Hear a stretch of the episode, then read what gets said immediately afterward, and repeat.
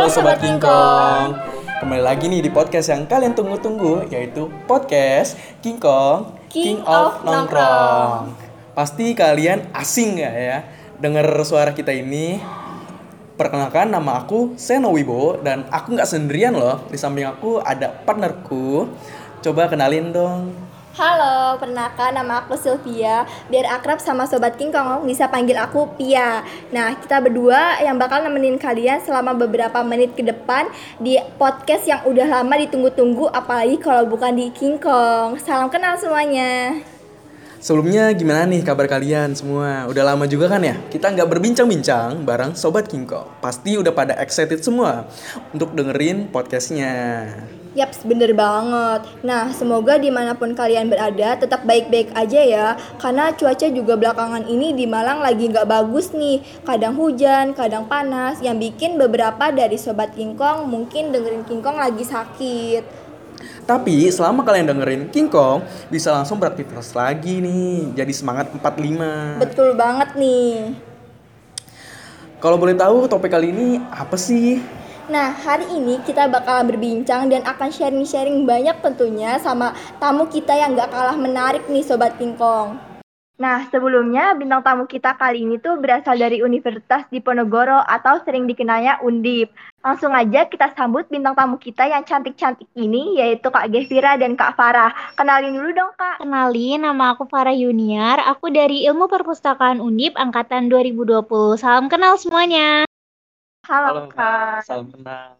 Halo semua, perkenalkan nama aku Gevian Fatima Sudarman, teman-teman bisa manggil aku Gepi. Aku dari Ilpus 20 Undip, salam kenal semua. Wah, pastinya Sobat King Kong udah gak sabar kan? Tanpa basa-basi, langsung aja yuk kita masuk ke pertanyaan pertama. Kira-kira perbedaan yang menarik dari Semarang dan Malang ini apa sih Kak? Kayak cuacanya atau orang-orangnya, terus juga gaya hidupnya. Nah, bisa dijawab dari Kak Gevira dulu kali ya. Oke, makasih banget nih pertanyaannya. Kalau misalnya dari cuaca ya tentunya beda banget ya. Kalau di Semarang tuh teman-teman harus tahu sih panasnya itu pol banget. Kayak teman-teman taruh telur aja di jalan tuh udah matang gitu loh. Sebenarnya ini hiperbola, tapi emang bener-bener sepanas itu. Terus untuk orang-orangnya sendiri di Semarang, mungkin karena kita di Pulau Jawa juga kali ya sama-sama di Pulau Jawa, itu bener-bener kayak ramah banget gitu loh. Kayak misalnya kita kita tuh nggak kenal sama tetangga uh, kos kita. Itu tuh saling sapa kayak gitu loh. Kayak bener-bener kental banget lah uh, keramahannya itu. Terus untuk kayak gaya hidupnya di Semarang itu pasti sama aja sih ya. Kayak kita kan sama-sama mahasiswa merantau. Kayak pasti uang jajan kita itu cukup nggak cukup lah untuk hidup di uh, tanah orang kayak gitu kan. Mungkin kalau misalnya dari pandangan aku pribadi itu sama aja sih ya kalau misalnya untuk gaya hidup sesuai pribadi masing-masing. Itu aja sih mas sesuai pribadi masing-masing sih kalau menurut aku. Kalau dari teman-teman yang ada di Malang gimana nih? Oh ya, uh, kalau di Malang sih ya paling beda ya cuacanya. Kalau di Malang ya dingin-dingin gitu sih kata orang, tapi emang beneran dingin. Orang-orangnya juga ya kan karena kan mahasiswanya dari Pulau Jawa ya ramah-ramah, saling rangkul gitu. Jadi ya satu sama lain kayak saling peduli gitu. Walaupun kita nggak kenal tapi kayak mau ngedeketin gitu kak. Berarti kurang lebih sama ya. Berarti yang bedanya tuh cuma cuacanya aja kali ya kak. Nah lanjut nih ke pertanyaan kedua. Eh, uh, kalau aku boleh tahu nih kak, untuk tempat wisata apa yang menarik yang direkomendasiin di Semarang? Mungkin dari sobat King Kong ke depannya ada plan untuk berkunjung di kota Semarang gitu kak? Oke, aku izin jawab ya. Jadi kalau misalnya di Semarang itu sebetulnya nggak gitu banyak sih tempat wisata yang aku tahu ya. Nggak gitu banyak tempat wisata yang kayak uh, kayak di daerah lain kayak misalnya Dufan gitu-gitu. Nah kalau di Semarang itu kataku yang paling juara City Light-nya sih. Jadi kayak sebagai mahasiswa ya untuk wisata yang low budget kita tuh bisa cuma night ride dan lihat city light doang. Kayak gitu tuh udah kata anak sekarang sih udah healing banget gitu loh. Jadi kayak bener-bener enak banget kalau night ride sampai malam sampai pagi kayak gitu. Bener-bener gila city lightnya juara. Terus paling ini sih kayak kota lama kayak gitu ya gap ya. Mungkin dari Gevina nih ada nggak tambahan tempat wisata? Oke. Kalau misalnya dari aku, karena aku sama teman-teman aku yang ada di Semarang ini benar-benar suka banget jalan-jalan ya. Kalau di kota Semarang, di kotanya ya, di kota Semarang itu paling simpang lima sama kota lama. Tapi aku rekomendasi ini ke kalian, aku rekomendasiin kalau misalnya jalan-jalan ke Semarang itu jangan siang-siang karena tuh bener-bener panas banget kan, bisa banget belang gitu kan. Terus juga kalau misalnya untuk sejarah-sejarah itu ada Lawang Sewu, terus ada Sampokong. Itu bener-bener worth it sih kalau misalnya menurut aku. Terus kalau misalnya kalian pengen yang agak adem, yang sejuk-sejuk, yang lihat hijauan, hijau-hijau gitu-gitu, kalian bisa lagi nih geser ke Kabupaten Semarang, ke daerah Ungaran, ke daerah Bandungan, kayak gitu. Itu bener-bener enak banget sih, adem gitu sih kalau misalnya dari kita. Wah menarik banget ya kayak yeah. tempat-tempatnya. Uh, dari Sobat Kingkong mungkin kalau mau healing-healing di kota Semarang yang tempat wisata yang yang bisa buat refreshing itu enak banget sih. Uh, uh, kalau dari Malang sendiri ya untuk tempat wisatanya ini pantai sih kak yang menonjolnya sih kak. Itu ada pantai Balai Kambang, ada Batu Bengkung, Bacina sama pantai tiga warna. Seperti itu kak. Nah tadi kita udah ngomong wisata wisatanya nih. Uh, kayaknya wisata tuh uh, identik dengan kulinernya pasti nggak sih kak? Nah kira-kira kuliner khas Malang dan Semarang itu apa aja sih? Kalau kakak kan Semarang. Nah coba kakak disebutin uh, kuliner khas ya, Semarang nih kak yang bisa dijadiin re rekomendasi buat uh, sobat Kingkong Oke, mungkin dari aku dulu kali ya. Kalau misalnya dari Semarang itu, kalau misalnya ciri khas banget itu pasti lumpia sih. Lumpia sama bandeng presto. Itu kayak misalnya orang tua kalian pasti kalau misalnya ke Semarang gak mungkin gak beli kedua hal itu kan kedua makanan itu. Tapi kalau misalnya untuk kita nih anak-anak undip biasanya itu kalau bukan ini bukan ini sih bukan makanan khas gitu. Kayak tempat-tempat kita nongkrong biasa aja gitu kayak buat makan biasa itu paling ke burjo sih. Ke burjo-burjo sama palingan tuh kalau makan pengen makan yang beneran makan itu kita biasa namanya ada namanya bunur ada warung namanya bunur itu kayak enak banget itu ada makanan namanya omelet bakar di Malang ada gak omelet bakar? Gak ada sih kak kayaknya, uh, kayaknya enak-enak banget ya makanan di Semarang. Kalau misalnya dari Farah mungkin ada tambahan gak Far? Kalau dari aku Jujur aku malah jarang makan makanan khas Semarang gitu sih, tapi lebih sering ke burjo-burjonya. Bener kata Gevira. Terus di sini juga ada ayam lumer ya, Gep ya. Itu enak banget. Itu kayak ayam geprek lumer kayak gitu deh. Dan di sini tuh penyatannya juara-juara sih kalau kata aku. Kayak ya lumayan juga murah-murah kayak gitu. Paling itu aja sih. Tadi bener kata Givira, Bunur itu juara banget omelet bakarnya. Teman-teman kalau misalnya main ke Tembalang, khususnya harus nyobain Bunur. Nyobain omelet bakarnya. Sama ini aku mau tambahan. Ada namanya penyet kuah Timoho. Itu benar-benar enak banget. Sumpah sih kalian kalau misalnya ke Semarang harus cobain penyet kuah Timoho. Kalian pernah coba gak penyet kuah? Kayak bayangin itu penyet, tapi ada kuahnya gitu loh. Itu enak banget. Nah, Sobat Kingkong tadi kan udah ketahui nih kuliner khas Semarang. Uh, kalau dari kita sih, kalau kuliner khas Semarang itu ada bakso presiden, nah terus juga ada pecel kawi, terus ada ada hoklai, terus banyak sih sebenarnya di Malang tuh. Uh, nah, yang spesial nih ada ada soto geprek Mbah Dijo itu enak pol deh pokoknya itu uh, bisa dijadiin apa para maba nih yang nggak tahu nih uh, mau makan apa yang enak-enak ini bisa banget dijadiin rekomendasi ya. Nah uh, tadi kan kita kan kayak udah beda dari kota, tempat wisata. Ya, aku mau tanya nih kak, uh, culture shock apa sih yang kakak dapat uh, di Semarang gitu? Uh, boleh dikasih contoh gitu kak untuk culture shock yang kakak dapat di Semarang? Mungkin dari aku dulu ya. Kalau dari aku itu Semarang itu ramai banget jadi kayak misalnya kita night ride nih atau kita main sampai dini hari gitu sampai pagi itu tuh nggak nggak nggak pernah sepi gitu loh. Jadi kayak kalaupun kita pulang tuh kita bisa tidur di burjo. Itu tuh asik banget sih. Kayak aku pernah nyobain rame-rame sama temen-temen nggak perlu nginep ke hotel gitu-gitu tapi tidur di burjo aja udah. Dan itu tuh nggak pernah sepi. Semarang itu sih culture shock menurut aku. Karena kan dari kota kecil ya jadi kayak kotaku tuh jam 10 aja udah sepi gitu gitu tapi di Semarang sampai pagi gitu tuh masih ramai kalau dari Gepira nih gimana Gep?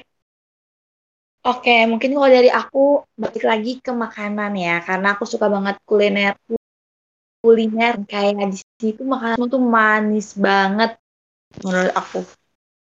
Kalau di Malang itu gimana? Kan kalian maba nih ya, kayak gimana nih culture shocknya? Iya. Kalau yang aku dapat sih sama sih. Yang yang pertama sih untuk tempat makanan ya karena kan banyak banyak eh banyak mahasiswa mahasiswa yang nongkrong yang di, di malam-malam. Itu biasanya sih di daerah Suat sih apa Suara uh, Suarna Hatta itu daerah kayak banyak ke tempat nongkrong mahasiswa mahasiswa terus uh, untuk dari Malang sendiri ini sih uh, karena kan uh, kota ya kota posisi universitasnya. Jadi kayak susahnya nyebrang gitu ya kira-kira kayak gitu sih kak culture shocknya Nah, tadi kan kita udah bahas seputar perbedaan antara kedua kota ini nih, Semarang sama Malang. Nah, selanjutnya kita bakal tanya tentang mahasiswa Ilpusnya. Kira-kira apa sih ciri khas mahasiswa Ilpus Undip yang menggambarkan kalau ini anak Ilpus banget nih? Paling uh, anggapan dari orang-orang ya kalau misalnya anak Ilpus tuh suka baca, kayak gitu-gitu kan. Nah, kalau misalnya di uh, eh, FIB sendiri, di FIB Undip sendiri, kayak udah rata aja gitu loh. Kayak juga nggak ada yang ngeh kalau kita ini anak misalnya anak ilpus atau anak uh, antrop atau anak BKJ atau anak yang lainnya. Karena ya sama aja gitu sih kalau dari pandangan aku gitu. Kalau dari pandangan Farah apa Farah? Oke kalau dari aku anak ilpus FIB Undip ya khususnya ya Uh, bener sih kata orang tuh kalem-kalem tapi sebetulnya tuh kalau misalnya udah masuk kelas tuh justru rame banget. Jadi kayak solid ya Gap ya. Termasuk kayak satu angkatan tuh main ya udah main sama semuanya kayak gitu. Jadi kayak ya mungkin orang-orang lihatnya kalem-kalem tapi sebetulnya tuh enggak. Sebetulnya malah uh, in personalnya kayak ya masing-masingnya itu tuh ya random-random aja asik-asik aja gitu. Bahkan kayak kita tuh sering juga main sama anak-anak angkatan 18 gitu kayak sampai anak 18, anak 19, anak 20, 21, 22 itu kayak ya main-main aja kayak gitu kalau dari aku kayak gitu doang sih. Kalau kalian gimana nih? Ciri khas dari anak ilmu perpustakaan Brawijaya. Ih, tadi kedengarannya asik banget kayaknya ya anak Ilpus uh, Undip. Kalau dari kita nih anak Ilpus UB sama sih Kak, sama untuk orangnya tuh ya asik-asik. Terus juga banyak kayaknya orang mikir tuh anak Ilpus pasti seringnya baca buku doang. Terus kayak uh, anak apa kata-kata zaman sekarang tuh nolep mungkin ya. Tapi ternyata tuh pas udah masuk ke dalamnya oh enggak. Ternyata anak itu tuh ya emang suka baca buku tapi lebih ke kritis aja sih. Terus juga solid. Nah. si kritisnya kalau ilmu memang kritis banget. Dari kritisnya aku aku aku jawab ya kak kritisnya mahasiswa ilmu perpustakaan mungkin dari kayak aktif ke dalam dalam belajar gitu kayak kayak angkat tangan terus sering tanya. Seperti itu sih kak. Itu dari kritisnya. Eh, uh, kalau aku boleh tahu nih kak uh, berapa sih pengeluaran rata-rata per hari dari mahasiswa undip? Menurut kakak-kakak nih biaya hidup di Semarang itu gimana sih kak dibanding sama kot sama asal kota kakak masing-masing Oke, kalau dari aku ya, karena aku se termasuk sering main. Nggak sering juga sih, masa kayak sering ke Burjo, karena kan nugas-nugas gitu. Kalau aku tuh kayak sekali makan mungkin lima belas ribu, dan itu tuh kadang dua kali, kadang sekali sehari, kadang sama jajan, kayak gitu. Jadi kalau menurut aku, uh, worth it worth it aja sih, karena makanan di Tembalang tuh banyak yang enak-enak sebetulnya, soalnya kayak semua burjo juga rasanya hampir sama gitu. Kalau misalnya nggak masak ya sekitar segitulah sekali makan lima belas ribu. Mungkin kalau Gepira nih, Gepira tuh sering masak nih. Berapa tuh pengeluaran per hari? Oke, kalau misalnya aku ya, kalau misalnya aku karena aku suka banget masak gitu kan. Kayak palingan aku tuh pengeluaran cuma kayak beli bensin. Terus paling gimana nggak sehari cuma dua puluh ribu sih. Itu kalau paling kalau dua puluh ribu itu juga kayak aku lagi pengen jajan aja. Kayak gitu sih. Karena aku masak jadi kalian semua teman-teman yang rantau mendingan kalian masak gitu. Kalau enggak kalian masak nasi nih, terus kalian beli lauk di warteg kayak tiga lauk aja itu dapat sepuluh ribu itu kalian bisa satu hari makan tiga kali. Eh satu hari itu bisa tiga kali makan. Sampai beli kan ngomongnya. Kalau di Malang tuh kayak gimana tuh? Uh, sebenarnya sih sama ya kayak masak masak di kos uh, kalau aku masaknya masak nasi kak. Jadi kayak untuk pengeluaran itu lebih uh, lebih termanage gitu kan lebih kayak sehari bisa lima apa lima belas ribu biar biar kita tuh apa ya biar bisa ngatur duitnya untuk untuk untuk untuk ke depannya gitu uh, namanya juga masuk mahasiswa ya kan maksudnya kita harus meng, mengirit-ngirit lah ya kayak ya. betul betul banget tadi tuh kan kita udah bahas tentang pengeluaran ya nah yang selanjutnya itu Kira-kira nih Kak, outfit keren menurut mahasiswa Undip tuh yang kayak gimana sih? Kan sekarang ini lagi tren cewek mamba ya, cewek apa cewek bumi. Nah, kira-kira tuh mahasiswa Ilpus Undip tuh masuknya yang kayak gimana Kak? Di Undip nih, karena Undip kan karena Ilpus tuh di Undip kan masuknya FIB ya. Dan itu tuh bener-bener beragam banget kayak kalian tuh bisa ketemu sama orang dengan berbagai gaya, dengan berbagai kepribadian lah istilahnya di FIB tuh. Kayak kalau misalnya kalian mau nyari nih orang yang gayanya kayak anim tuh ya ada gitu loh. Kayak udah bener-bener campur-campur lah. Ada yang percampuran antara cewek mamba yang dari atas sampai bawah hitam semua tuh ada. Ada yang cewek-cewek peri pakai uh, dress bunga-bunga kayak gitu tuh ada. Terus cewek-cewek apa sih cewek bumi yang estetik estetik itu tuh banyak kalau dari aku yang paling menarik tuh cewek-cewek sama orang-orang yang berkain karena lucu aja gitu kayak pakai batik berkain terus uh, apa ya kayak modis aja gitu liatnya suka aja. Kayak ternyata batik tuh bisa jadi modern semodern itu gitu gayanya sekarang. Mungkin kalau dari Gepira gimana Gep outfit paling menarik di FIB di Ilpus menurut kamu? Oke, kalau misalnya di Ilpus ya karena FIB juga bener kata kayak Farah, itu berkain. Karena kita tuh di FIB ini dari BEM FIB itu hari Kamis tuh kayak ada uh, apa ya kayak kita tuh Kamis ceria, eh Kamis ceria, Kamis batik gitu loh, kayak karismatik, Kamis berbatik kayak gitu. Jadi kayak teman-teman FIB itu pada pakai batik gitu loh, kayak entah baju batik atau yang kayak tadi Farah bilang berkain. Tapi rata-rata anak-anak Pilpus tuh pada berkain tuh yang perempuan-perempuannya. Terus yang laki-lakinya juga pakai baju batik gitu loh. Mungkin kayak apa ya, yang yang mencolok itu pas di hari Kamisnya itu loh kayak jadi center banget gitu kayak oh uh, hari Kamis nih pada pakai batik kayak gitu. Terus kayak anak uh, Irpusnya banyak banget yang berkain gitu sih sama kayak Farah sih kurang lebih. Kalau di UB gimana di UB? Apakah ada berbatik-batik ria juga? Nah, tadi kalau misalkan dari mahasiswa Ilpus ini outfit kreatif-kreatif banget kayaknya dilihatnya ya. Sama sih Kak, mahasiswa UB juga banyak banget sih uh, outfit-outfit yang menarik gitu. Setiap harinya ada aja yang menarik perhatian. Terus juga kita nggak mengurangi budaya lokal juga nih kak. Kita setiap hari Kamis tuh pasti ada uh, apa ya? Batik. Iya hari batik gitu loh kak. Uh, dari sama Kamis sama Rabu tuh banyak banget ya pakai baju batik. Iya kan seperti itu kan. Jadi ya beragam sih kak. Uh, ber, berbagai karakter ya jadi satu di UB ini kak. Nah tadi kan kita udah ngomong tentang mahasiswa Ilpusnya nih kak. Uh, kalau yang ini nih terkait jurusan Ilpusnya kak di kampus.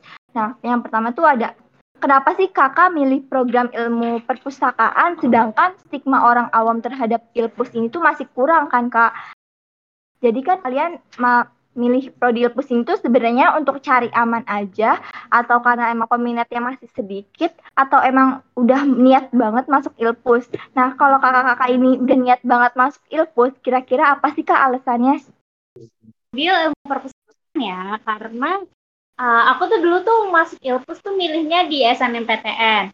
Nah waktu itu tuh aku tuh lihat kan kayak prospek kerjanya tuh masih bagus dan peluangnya tuh masih banyak. Karena ya ya kayak yang kita sama-sama tahu ya kayak teman-teman di Brawijaya juga pasti tahu kalau pustakawan itu tuh belum banyak gitu loh. Apalagi uh, sekarang kan pustakawan itu kayak ada tuh pelatihan program pelatihan tiga bulan dan itu bisa jadi pustakawan kayak gitu. Tapi kan sebetulnya kan untuk uh, kompetensi sebagai pustakawan itu sendiri kan harus mau nggak mau kan harus pakai latar belakang pendidikan ilmu perpustakaan kan gitu. Jadi sebetulnya uh, pustakawan itu tuh sebetulnya ilmu perpustakaan itu tuh peluangnya tuh banyak banget teman-teman. Kayak kita tuh belajar ilmu yang cukup luas kayak gitu. Jadi ya karena prospek kerjanya aja sih kayak awal-awalnya mungkin kayak lah kok kok kok ambil ilpus ya kok stigma orang kayak gini ya sempat ada kagetnya juga waktu maba. Tapi kalian semakin naik semester semakin paham kayak oh ternyata uh, ini ya alasanku ada di sini. Ternyata ilmu perpustakaan tuh kayak gini tuh semakin kebuka sih nantinya kebuka pandangannya. Kalau ternyata ya ilmu perpustakaan ya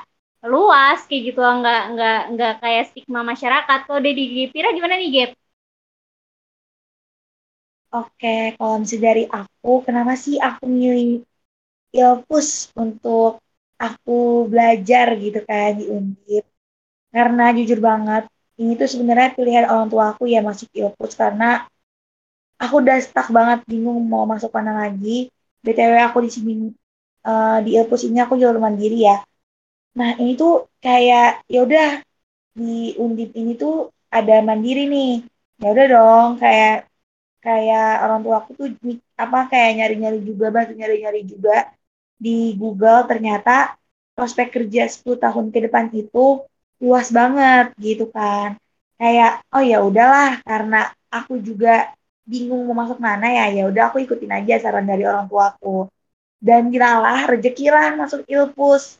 Pas udah aku terjun ke Ilpus ternyata ya emang bener-bener menurut aku tuh mata kuliah dan apa yang kita pelajarin di Ilpus itu benar-benar bakalan kepake banget untuk masa depan kita gitu loh. Dan itu bukan untuk masa depan kita juga tapi kayak untuk masa depan semua orang yang ada di Indonesia bahkan di dunia gitu loh. Karena kan kita tahu sendiri kalau pustakawan itu adalah sumber informasi juga ya kan? Jadi menurut aku tuh selain benar-benar bermanfaat untuk diri sendiri dan bisa bermanfaat juga untuk orang lain. Kayak gitu sih kalau dari aku. Kalau teman-teman maba kenapa nih kalian milih uh, ilpus gitu? Apa apa apa enggak sama kayak aku lagi udah kayak pusing mau milih mana lagi gitu.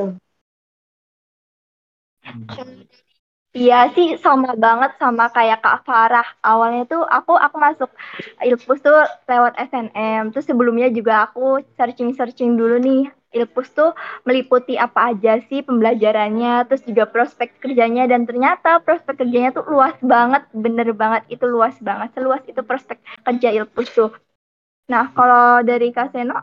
Kalau dari aku sih, aku kan sama nih uh, lewat jalur SNM, tapi uh, dari jalur SNM ini kan uh, dua pilihan nih kak. Aku aku pilihan pertama itu aku mau ngambil akuntansi dan aku uh, yang kedua itu ilmu perpustakaan. Aku uh, kenapa milih apa kenapa aku di pilihan dua milih ilmu perpustakaan karena aku sebelumnya juga uh, udah riset nih uh, mengenai ilmu perpustakaan uh, tentang prospek kerjanya tentang materi yang dipelajari di perkuliahan itu apa aja kak. Nah dan aku juga tahu untuk stigma orang-orang awam nih yang tidak tahu akan hal prodi ilmu perpustakaan itu kayak jelek gitu kayak kayak tentang perbukuan. Tapi aku mau ngebuktiin uh, kalau aku masuk ilmu perpustakaan ini aku aku aku bisa jadi orang gitu orang-orang di 10 tahun ke depannya. Gitu kak. Setuju banget sih. Kita harus ngebuktiin nih sesama anak ilmu perpustakaan ya kayak sebenarnya ilmu tuh nggak cuma nata buku loh guys. Kita tuh pemegang pengetahuan anjay. Nah iya betul banget Nah, lanjut nih. Aku mau aku mau tanya nih Kak. Untuk program apa aja sih yang ada di himpunan Kakak program unggulan kayak kayak misalkan uh, di himpunan aku HMPP itu ada program unggulan ada Litfest, ada JH atau Jelajah Himpunan, Salmon dan LSO. Mungkin dari Undip sendiri nih untuk program unggulannya itu ada apa aja sih kak? Undip Kalau boleh tahu. program unggulan himpunannya ini sih sama tadi ada Litfest juga ya di Undip juga ada Lipes nih ngomong-ngomongin. Iya sama, kita sama ya. Iya sama. sama. Sama ya. Iya, wow. kalau dari kita tuh keren. Program unggulannya iya itu kayak proker besar, salah satu proker besarnya itu Lipes. Tapi untuk proker-proker kecilnya sebenarnya banyak banget teman-teman kayak kalau misalnya dari humas sendiri nih kita tuh kemarin tuh banyak studi banding juga ya Gap ya kayak kita ke Brawijaya juga nggak sih Ya UB. ke UB juga kita tuh pernah studi banding ke Unpad? Oh iya ah UB oh. Ya UB ke kita terus kita ke Unpad juga. Ah. jadi untuk program unggulan yang besarnya itu cuma Lipes sih. Tapi untuk yang kecil-kecil kayak kemarin kita juga habis ada pengabdian gitu pengabdian offline rame-rame gitu. Itu sih. Mungkin dari Gepira mau nambahin? Kalau dari aku sama aja sih ya karena sama-sama himpunan pasti sama jawabannya. Kalau dari aku itu sih. Kalau misalnya dari UB itu apa? Sama aku pengen nanya dong kan UB ada live juga kan. Nah live di UB itu kayak gimana sih gitu? Nah, Lives di UB itu lebih ke budayanya gitu loh, Kak, budaya membacanya. Terus juga sama kayak yang Ilpus Undip, di Ilpus UB juga ada uh, program-program kecilnya. Contohnya kayak ini loh, Kak, King Kong. King Kong ini termasuk ke program kecilnya Ilpus, U- Ilpus UB.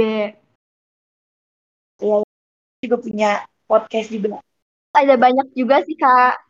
Kita juga kita juga ada Apa? Ada pengabdian juga ya kayaknya di UB aku pernah lihat tuh.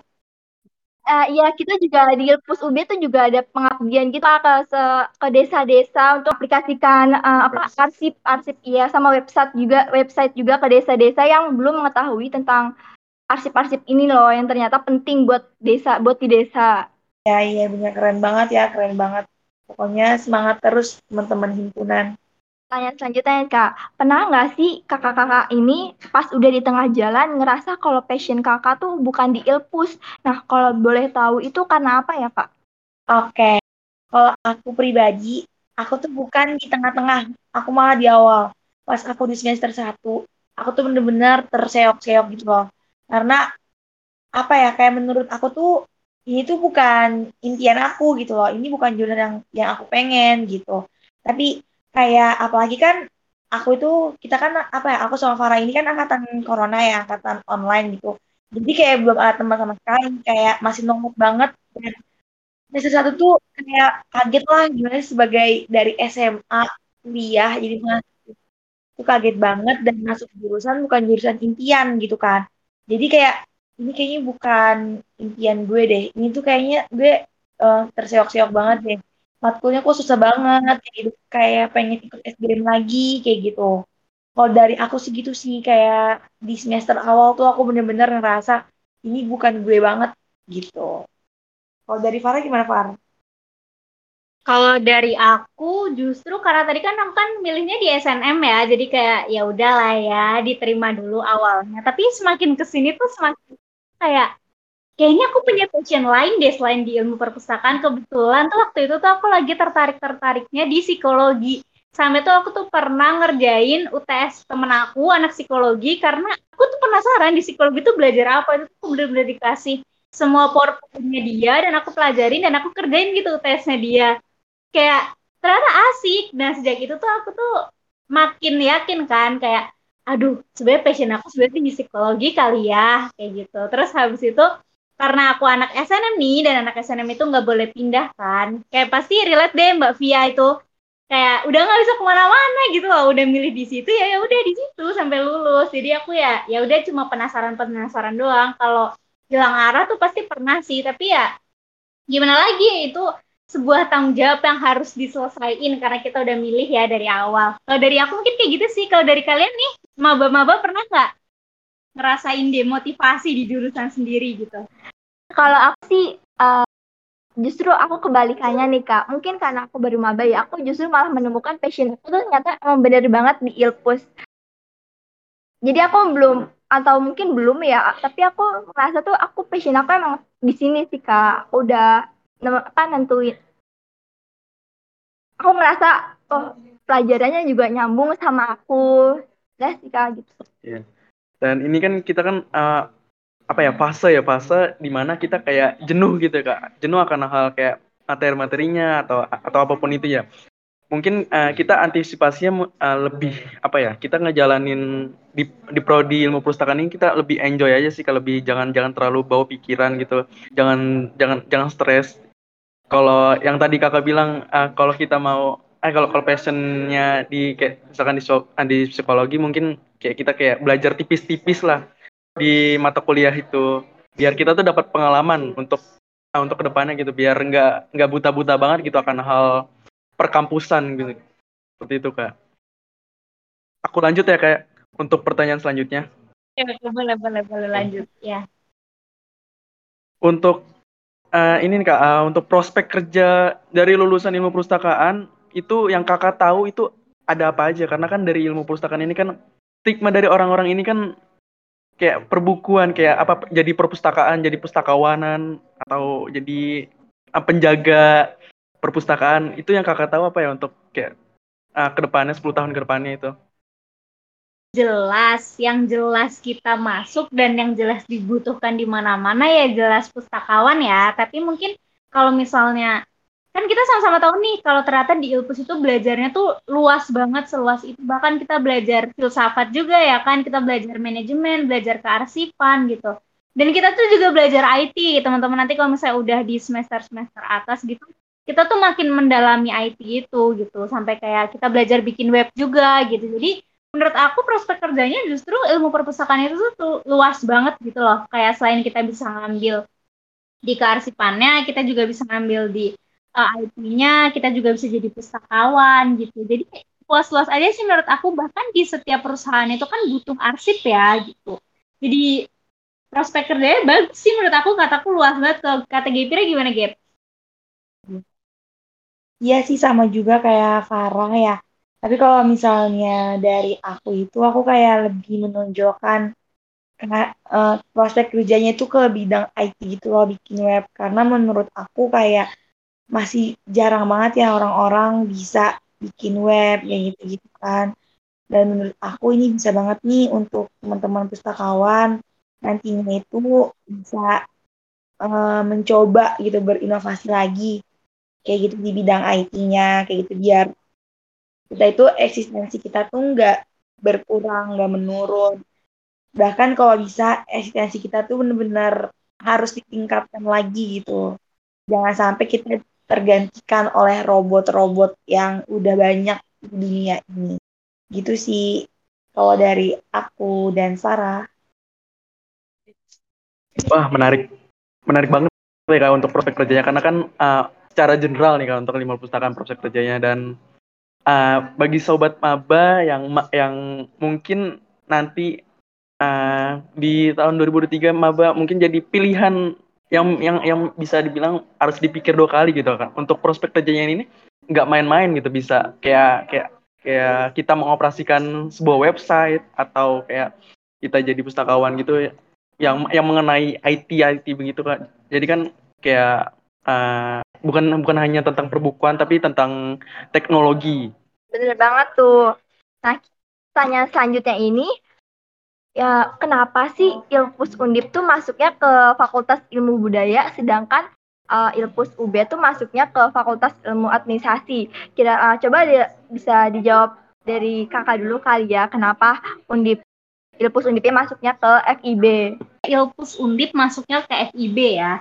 Karena kalau misalnya aku ngerasa nih teman-teman, jadi tuh sebetulnya perpustakaan itu tuh menyimpan peradaban ya sadar atau nggak sadar. Karena peradaban itu pasti ditulisnya kan di sebuah buku ya dan perpustakaan itu selain mengelola buku juga mengelola informasi gitu. Jadi uh, buku itu kan termasuk dari budaya kan hasil gagasan hasil karya cipta gitu dari seseorang itu kan termasuk budaya. Jadi ya karena di ilmu perpustakaan itu tuh sebetulnya ya mengelola budaya, mengelola peradaban kayak gitu. Makanya itu kenapa ilmu perpustakaan kalau di Undip itu masuknya Fakultas Ilmu Budaya. Karena uh, di sini kita juga diajarin kok awal mula terbentuknya perpustakaan itu kayak gimana gitu. Dan ternyata ya menariknya nih teman-teman. Dulu tuh seorang pustakawan itu justru tuh pemegang pengetahuan gitu. Orang orang kepercayaannya raja gitu.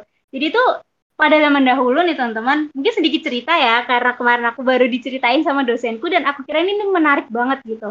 Jadi tuh pada zaman dulu, pustakawan itu tuh cuma satu, cuma ada satu di setiap kerajaan teman-teman, dan itu bahkan harus ada garis keturunan dari raja, karena ya pustakawan itu tuh gimana ya, istilahnya kayak pemegang pengetahuan. Namun semakin ke sini kan semakin general gitu ya teman-teman kan nggak mungkin cuma ada satu pustakawan doang makanya jadi kayak sebetulnya tuh jurusan kita tuh jurusan yang darah biru gitu lah istilahnya. Kayak zaman Iya, dulu tuh bener. gila pustakawan Banget. tuh udah tangan kanan raja gitu loh teman-teman. Gitu sih kenapa masuk di ilmu budaya? Karena ya memang mengkaji budaya kita sebetulnya. Gitu. Kalau dari UB sendiri kenapa nih? Menurut teman-teman kenapa bisa masuknya tuh fakultas ini administrasi gitu? Kalau untuk uh, VIA sendiri ya, uh, VIA ini kan Fakultas Ilmu Administrasi yang memiliki dua jenis ya, administrasi bisnis dan dan administrasi publik. Nah, kalau dari prodi ilmu perpustakaan ini kan termasuk administrasi publik. Ah, kenapa? Karena uh, kita berhubungan langsung dengan masyarakat gitu. Jadi kayak kita kan uh, untuk proses kerja ini kan kayak pustakawan kita harus kayak uh, face to face gitu kan untuk untuk kayak melayani melayani masyarakat untuk uh, kayak soal administ- administrasi dan lain-lain seperti itu kak. Kalau kalau dari FIB sendiri kan ini kan kayak uh, mengenai budaya dan itu menurut aku itu ilmu baru kayak ilmu baru yang aku, aku baru tahu gitu. Karena kan yang tadi kakak bilang uh, prodi kita tuh darah biru dari yang bisa dibilang. Uh, nggak main-main gitu kak. Nggak nggak bisa dianggap remeh seperti itu Kalau di Ilpus Undip mungkin tadi ya lebih ke budayanya, sedangkan kalau di Ilpus uh, Via ini lebih ke arsipannya mungkin ya, ke arsipan itunya. Makanya masuknya ke ilmu administrasi. juga ya teman-teman soalnya kita di ilmu perpustakaan undip tuh kalau udah semakin semester atas tuh justru yang ditekankan tuh untuk dapat jiwa kepustakawanannya nih. Jadi itu tuh mungkin salah satu perbedaan yang cukup menarik karena di Brawijaya kan lebih ke teknisnya mungkin ya kompetensi teknis sebagai seorang arsiparis dan sebagai seorang pengelola data. Tapi kalau kita tuh lebih ke ilmu abstraksinya gitu loh. Jadi kayak gimana sih caranya kita tuh bisa yakin bisa bisa yakin sama jalan yang kita pilih. Kalau sebetulnya ilmu perpustakaan tuh ya memang kita yakini gitu loh jalan kita gitu itu sebenarnya perbedaan yang cukup mencolok yang aku dapat dari obrolan kita. Ya bener banget tuh kak. Ya, jadi tuh uh, ilmu perpustakaan bisa dibilang uh, kita harus ngebuktiin ke orang-orang bahwa ilmu perpustakaan ini jangan dianggap remeh gitu kak. Bahwa ilmu perpustakaan ini ya mengartikan secara general gitu. Oke uh, Nah, jadi Ilpus ini tuh juga nggak membahas tentang buku aja, tapi juga budaya, terus kearsipan, administrasi, banyak banget yang mencakup tentang Ilpus tuh kayak teknologi juga nih yang bakal berguna buat di masa depan nanti. waduh nggak sadar kita udah ada di penghujung acara nih sobat King Kong ini gara-gara kasihkan ngobrol kali ya kak ya Ya kayaknya kita dari tadi tuh udah asik banget nih ngobrolnya.